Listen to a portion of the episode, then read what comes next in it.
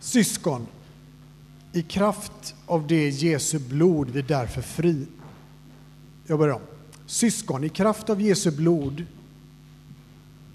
kan vi därför frimodigt gå in i det allra heligaste på den nya och levande väg som han har öppnat för oss genom förhänget, det vill säga sin kropp. Vi har en stor överstepräst över Guds hus. Låt oss därför gå fram med ärligt hjärta i trons fulla visshet. Med hjärtat renat från ett ont samvete och med kroppen badat i rent vatten. Låt oss orubbligt hålla fast vid hoppets bekännelse. För han som har gett oss luftet är trofast. Låt oss ge akt på varandra och sporra varandra till kärlek och goda gärningar. Och låt oss inte överge våra sammankomster så som några brukar göra, utan istället uppmuntra varandra. Och det så länge, så mycket mer som vi ser att den dagen närmar sig. Amen.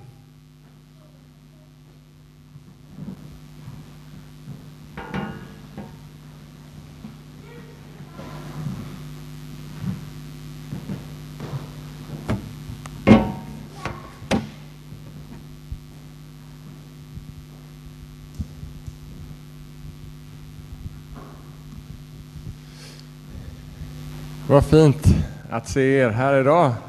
Denna soliga och varma, eh, är det, är det oktober fortfarande va? Eh, så gott att du har hittat hit. Eh, mår ni bra? Ni mår bra, härligt. Visst var det en ljuvlig eh, inledning på gudstjänsten att få tillbe Herren tillsammans och bara få vara i, i, i hans närvaro.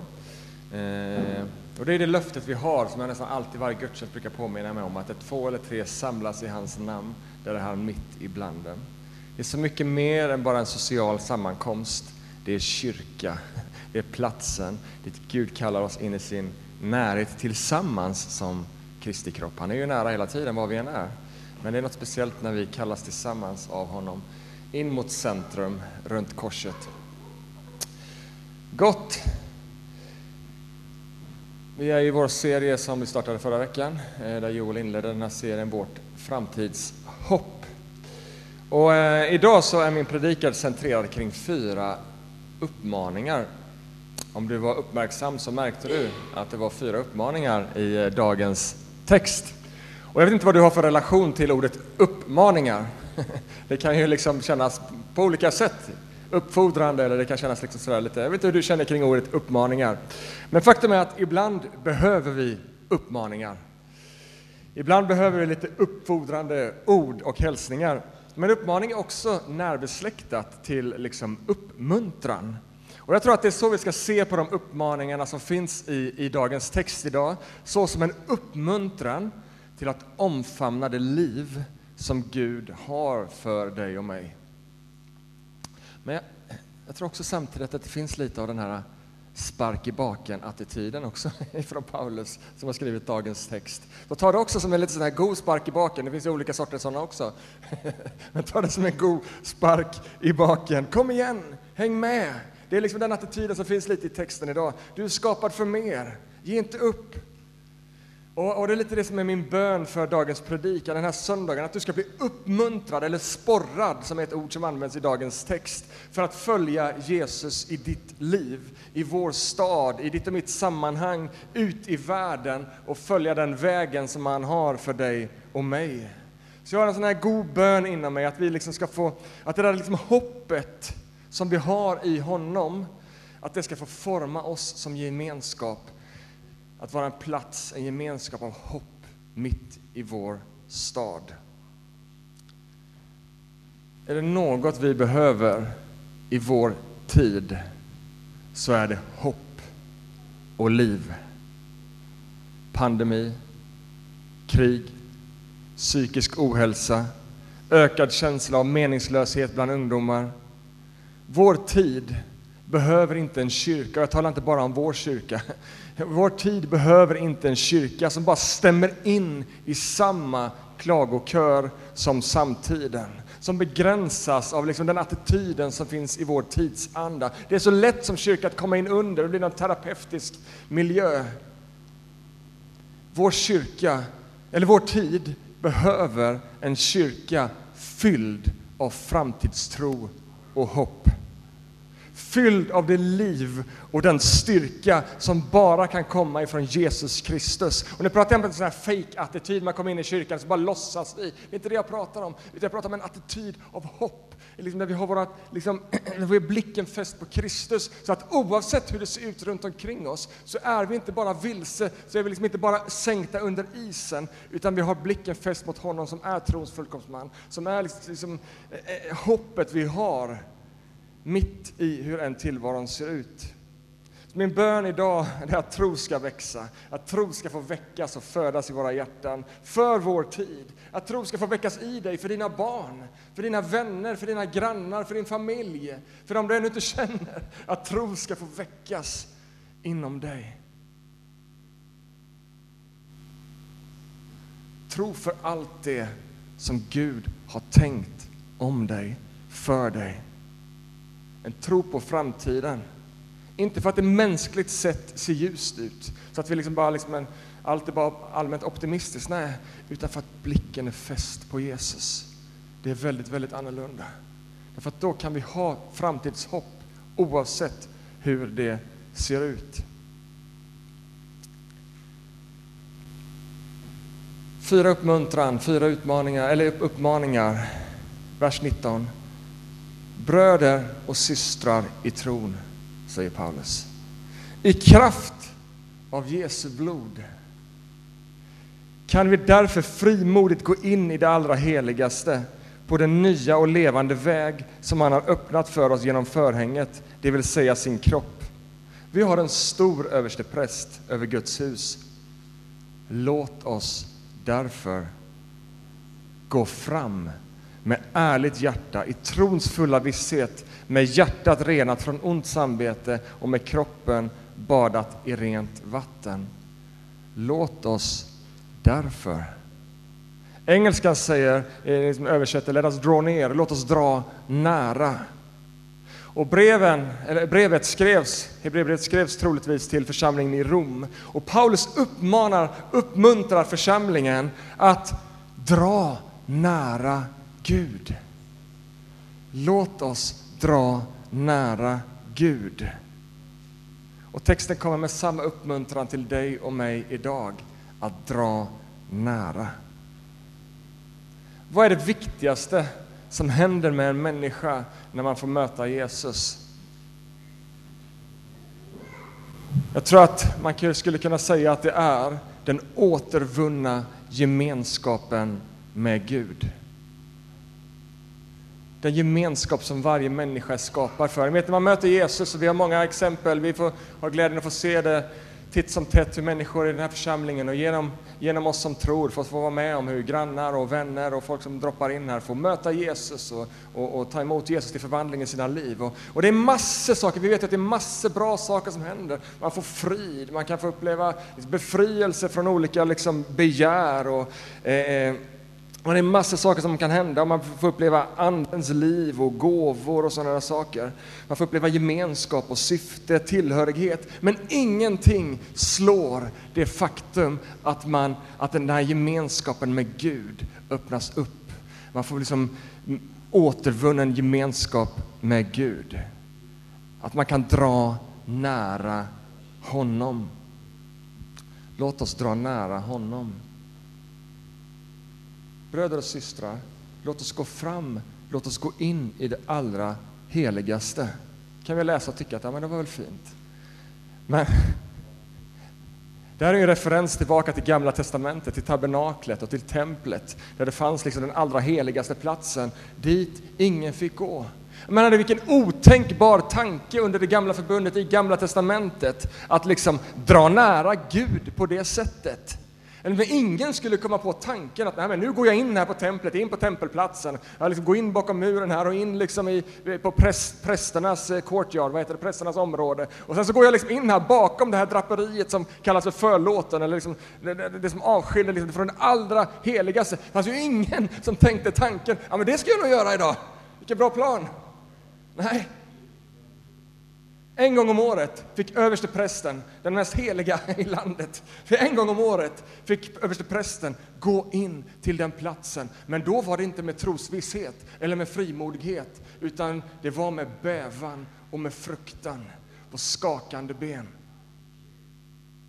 Men nu, syskon, i kraft av Jesu blod kan vi inte med bävan och fruktan utan frimodigt gå in i det himmelska templet, in i det allra heligaste. Ni vet platsen där Jesus sitter bredvid Fadern, på, på Faderns högra sida. Alltså det är det vi får se nu, det liksom himmelska templet. Dit får vi frimodigt träda fram.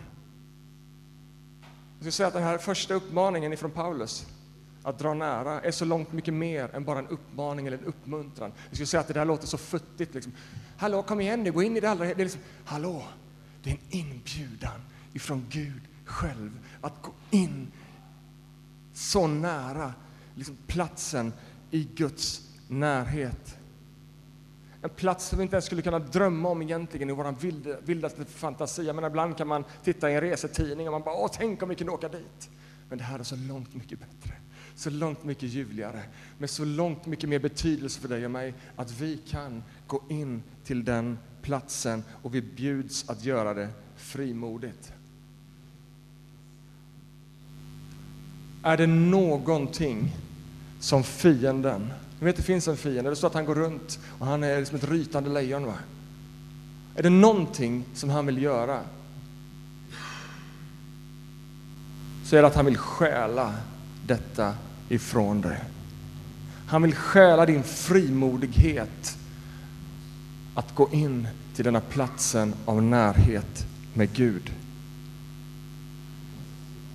På vilket sätt försöker fienden stjäla den platsen i ditt liv? Att dra nära Gud.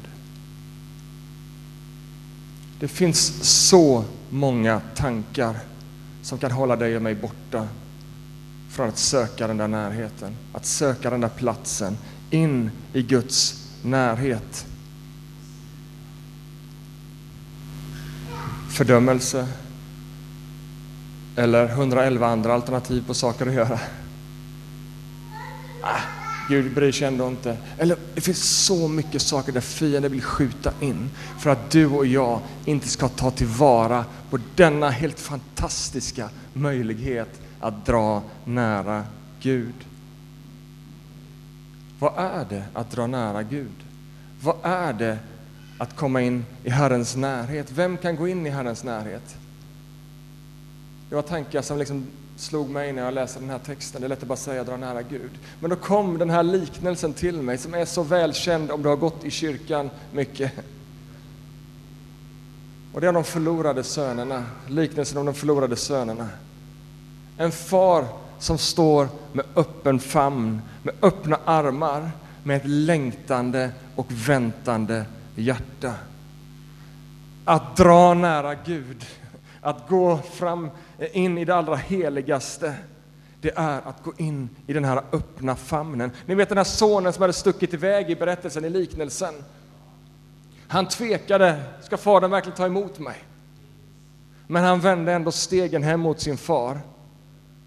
Och faderns respons, att han står där och spejade, han stod där och tittade. Hela hans liksom approach var bara, var är du min son? Och hans liksom famn var öppen och han rusade mot, mot eh, sin son och omfamnade honom. Faderns respons visar att trots sina misslyckanden så kunde han komma frimodigt in i faderns närhet. Sonen hade ingenting i sig självt som kunde göra honom frimodig. Det är Faderns famn som gör att vi kan komma frimodigt. Jesus ger oss liknelsen för att visa att Fadern längtar efter oss oavsett vilket skick vi kommer i. Kom på nådens väg och kom frimodigt. Låt inte fienden få dig att tveka eller stanna upp, utan låt oss dra nära. Och så fortsätter texten med att säga att vi ska gå fram med ett ärligt hjärta i trons fulla visshet. Och då kanske du tänker, ja, där kom det. det där är inte jag. Trons fulla visshet. Jag kan inte dra nära Gud. Jag visste det. Jag har inte den där tron som andra kanske har. Men vet du vad? Om det är din tanke så behöver vi läsa texten en gång till. Låt oss därför gå fram med ärligt hjärta i trons fulla visshet. Vad är det vi ska gå fram med? Ett ärligt hjärta. Vad är tro? Ja, det är ju inget du pumpar upp liksom och bara ja, ja, nu har jag så mycket tro, så nu kommer jag. När tro är att våga komma inför Gud och säga precis som det är. Vad skulle vi komma med? Ett ärligt hjärta. Vad är ett ärligt hjärta? Jo, ett ärligt hjärta är ju ett hjärta som vågar erkänna och säga precis hur det är. Det står inte kom med ett perfekt hjärta, kom med ett perfekt liv, kom med en tro som, är liksom, eh, som du har pumpat upp i egen kraft. Utan det står kom och gå fram i ett ärligt hjärta. Nu vet, fejk funkar inte inför Gud. Han ser rakt igenom. Det är, det är liksom just därför att han dog för dig och mig, för att du och jag ska sluta fejka. Vi behöver inte fejka, utan det är helt okej okay att komma som det är. Och är inte det befriande? Det finns liksom sammanhang man kommer in i och man känner man oj, oj, här behöver jag visst liksom rätta till kavajen och liksom på något sätt försöka se, få det att se bättre ut än vad det är. Det är oftast inga trevliga sammanhang. Men så kommer man in i en del sammanhang och så känner man bara wow, här får jag vara som jag är. Här är jag accepterad. Här, liksom, här bara, åh, vad gott det är att vara här. Så är det att komma inför Gud. No need to correct your shirt. Men kom som du är.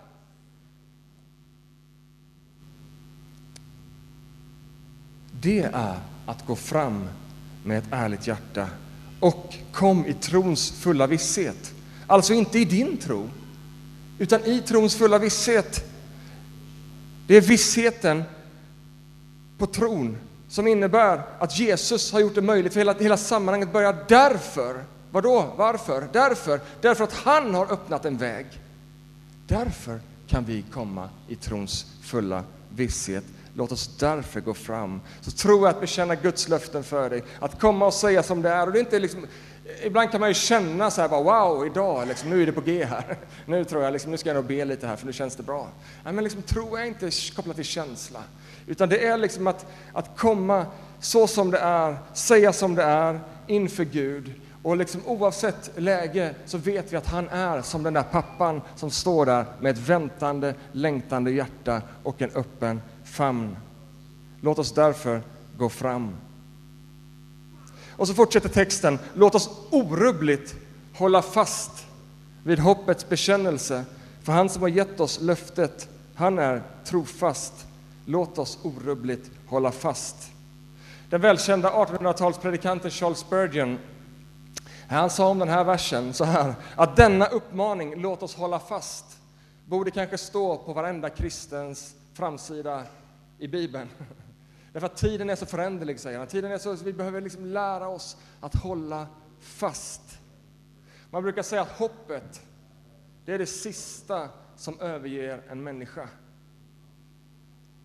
Hoppet är så centralt i den kristna tron. Men det kristna hoppet, det är liksom inte grundat i något flyktigt.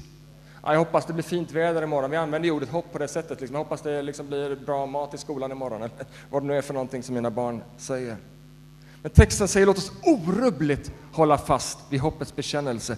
Orubbligt. Och grekiskan i det här sammanhanget säger att vi inte ska vika av en millimeter. Det betyder att vi inte ska vika av en millimeter eller höger åt vänster. Låt oss hålla fast vid hoppet.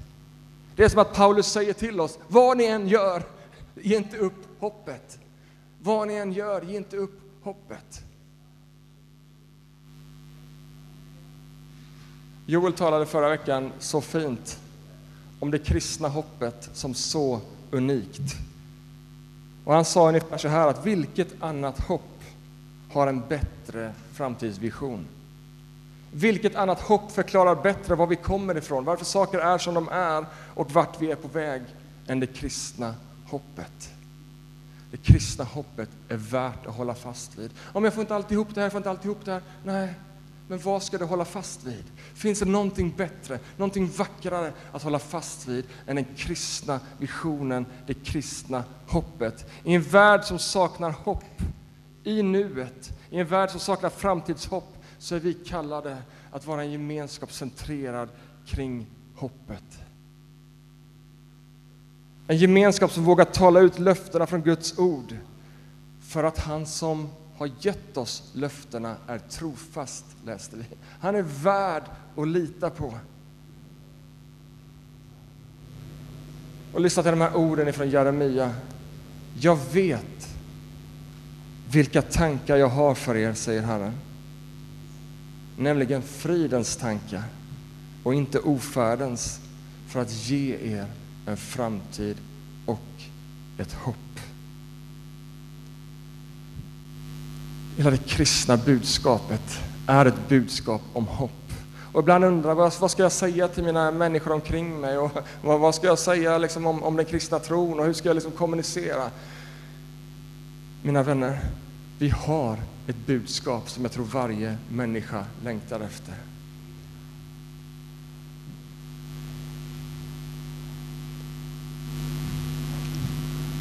Ett budskap om en framtid. Det är inte ute, det är inte slut. Ett budskap om fridens tankar för att ge en framtid och ett hopp.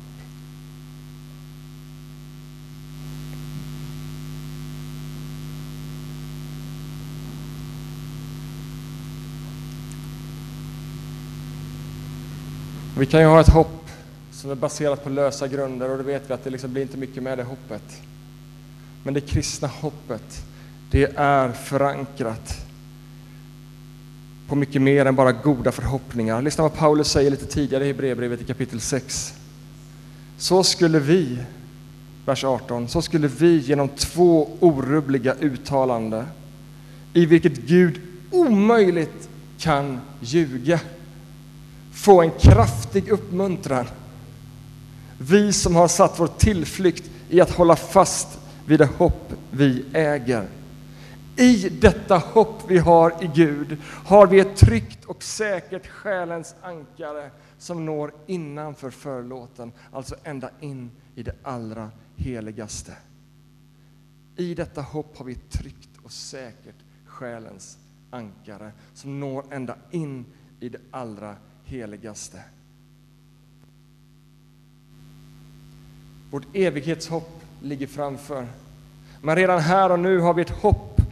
har vi i vårt hopp en ankare som är förankrat i Gud, i hans närhet. Ett ankare, vad gör det? Jo, det ger ju stabilitet i nuet. Det ger tillhörighet. Jag tillhör den här platsen. Det här är mitt. Det ger trygghet här och nu. Ett hopp som är förankrat i Gud själv, i hans närhet. En närhet som vi också nu och här har tillgång till. Låt oss dra nära Gud och låt oss hålla fast vid hoppet. Och fortsätter han i vers 24, låt oss ge akt på varandra och sporra varandra till kärlek och goda gärningar.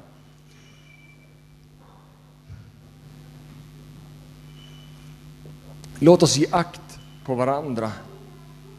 Vilken vacker framtidsvision det kristna hoppet kommer med.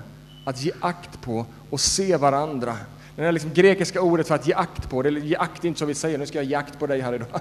Men liksom innebörden i grekiskan, det är liksom att lägga noga märke till eller att uppmärksamt se. Så i vårt kristna hopp så finns det liksom någonting utav att, att liksom, eh, eh, se på varandra och jag tror att varje människa har ett djupt behov att på riktigt bli sedd. Att på riktigt känna att här är någon som bryr sig, här är någon som ser mig, att bli accepterad, uppmärksammad för den man är. Och det här är liksom vårt kallelse, vårt uppdrag som kristna, som kyrka, som lärjungar. Att varenda människa som kliver in i de här dörrarna får känna sig sedd. Varenda människa som kommer till alfagrupper, hemgrupper eller vad det nu är för olika sammanhang vi har, att man, men här är människor som bryr sig. Låt oss ge akt på varandra och sporra varandra. Jag kommer till ett uttryck som jag tror du använder väldigt ofta. Va?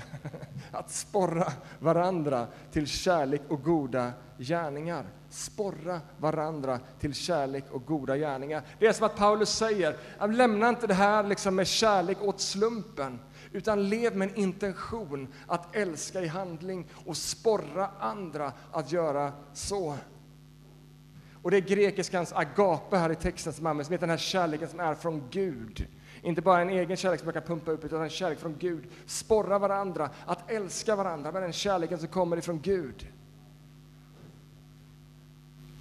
Det är en kärlek som bygger gemenskap, där inte andra förutsättningar till gemenskap finns. Jag tycker det är en intressant och väldigt vacker tanke med kyrka.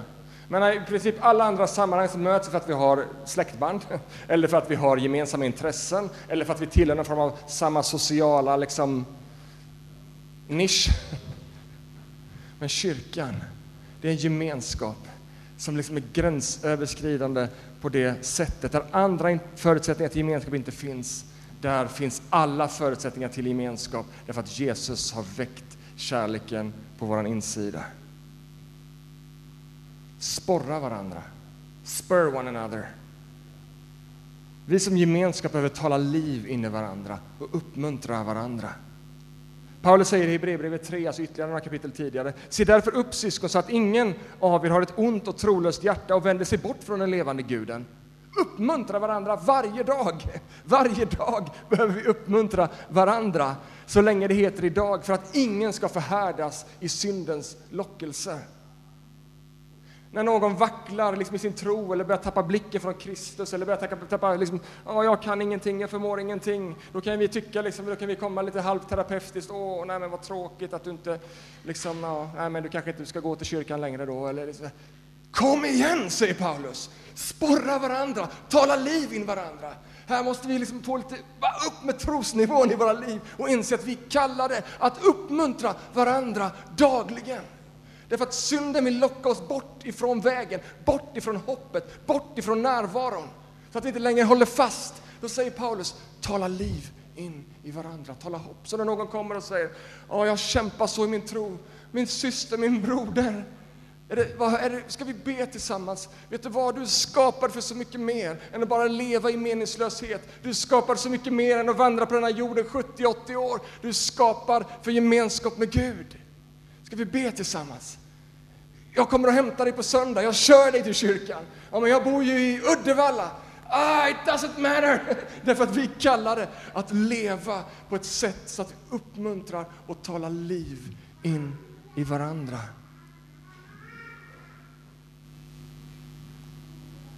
Vi är medlemmar, lemmar i samma, samma kropp, kallade att ta hand om varandra, vårda om varandra sporra varandra till kärlek och goda gärningar och till det liv och de planer som Gud har för var och en.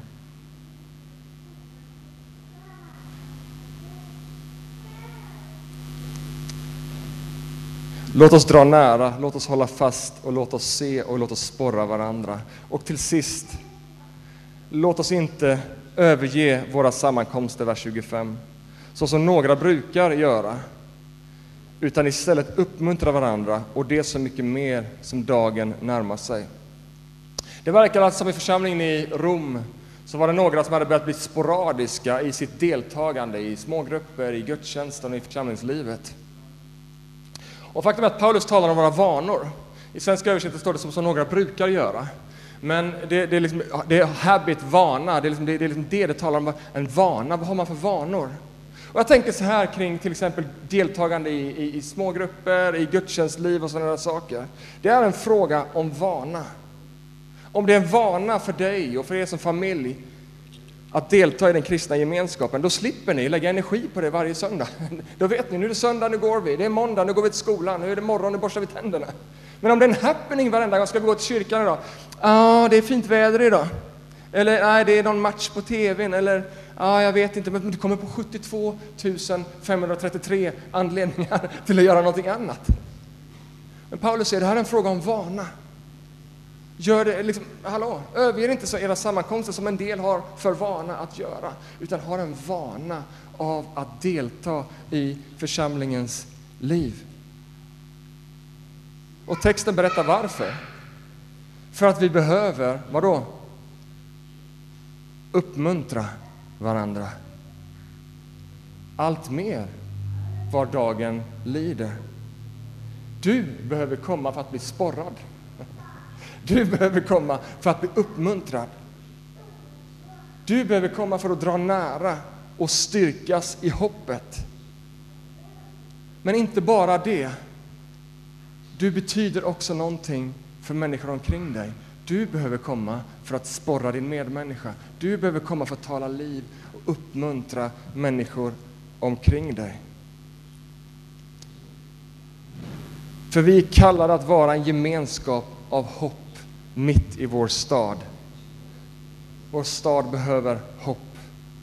Människor kvävs under klimathot, krigshot, ekonomisk press, energipriser, meningslöshet, ensamhet. Och där är kyrkan kallad att vara den här platsen av hopp. Så när han säger överge inte era sammankomster så är det liksom inte bara för att spä på ett dåligt samvete eller liksom för att ja, men det är roligare i kyrkan om vi är fler eller vad det är för någonting. Nej, nej, hallå, vi är ju satta här med ett uppdrag. Och en del av det uppdraget är att vara en plats utav hopp där människor kan få finna liv och där vi kan bli styrkta av tron.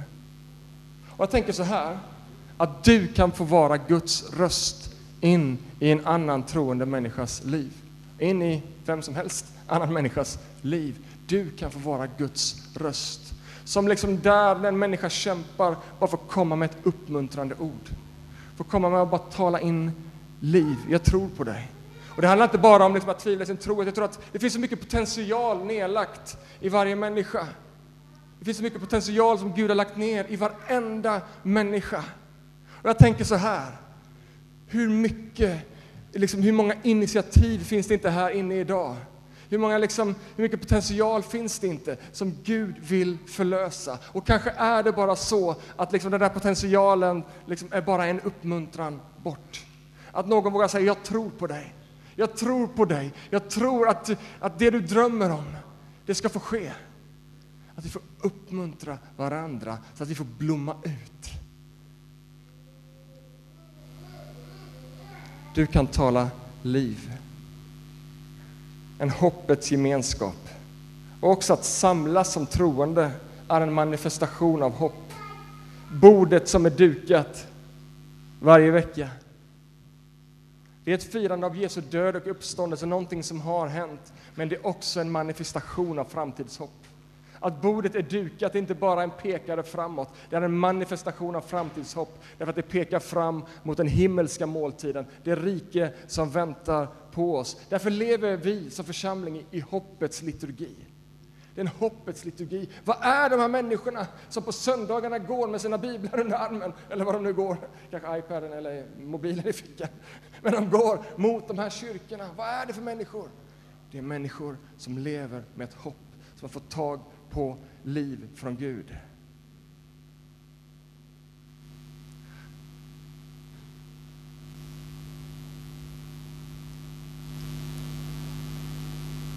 Jag vill verkligen att det bara ska få vara uppmuntran idag. Men jag tror så här att överge sammankomster, att överge liksom den kristna gemenskapen, det är som att öppna dörren till förlorat fokus, till förlorat hopp och en tro på sparlåga. Därför så önskar jag att min predikan ska få vara bara positivt sporrande. Inte lägga börda på börda. Våra liv ser så olika ut. Det finns så mycket saker. Men att det skulle få komma som en så här, bara inre uppmuntran, en längtan. En längtan in emot gemenskap. Du är skapad för mer. Gud har ett syfte med ditt liv. Vilka planer, vi läste om hans planer från Jeremia. Han har så höga tankar för dig och mig. Vi behöver varandra för att uppmuntra varandra. Så att vi kan blomma ut. Jag tror att vi behöver liksom den större gudstjänstens energi och tilltal, men också den mindre gemenskapen där vi får dela livet lite mer på djupet. Och min dröm när jag förberedde den här predikan fick jag ytterligare en, fick en tanke om tänk om kyrkan skulle vara som en inkubator Alltså en sån här plats där idéer och tankar och visioner blir förlösta. Där liksom, du bara känner hur oh, det blir förlöst, det är som att det skapas liv på din insida. Att våga ta de där stegen som du kanske inte vågar ta. Och då pratar jag inte om steg om självförverkligande, för det har vi nog av i samhället. Men jag pratar om de där stegen som Gud talar till ditt hjärta om när du har dragit nära honom, när du är i hans närhet. Tänk om vi som församling skulle få vara en miljö som förlöser människor. Att blomma ut. Jag kommer igen. Vi tror på dig. Vi backar upp. Jag tycker det är en spännande tanke. Vilket fantastiskt tilltal som vi har fått ifrån dagens text. Ord av uppmaning, uppmuntran och en inbjudan att dra nära Gud. Att hålla fast vid hoppet, att se varandra och sporra varandra i kärlek. Och att inte överge våra sammankomster utan allt mer uppmuntra varandra så att vi får blomma ut i allt det som Gud har tänkt för oss och bli en gemenskap av hopp mitt i vår stad. Amen.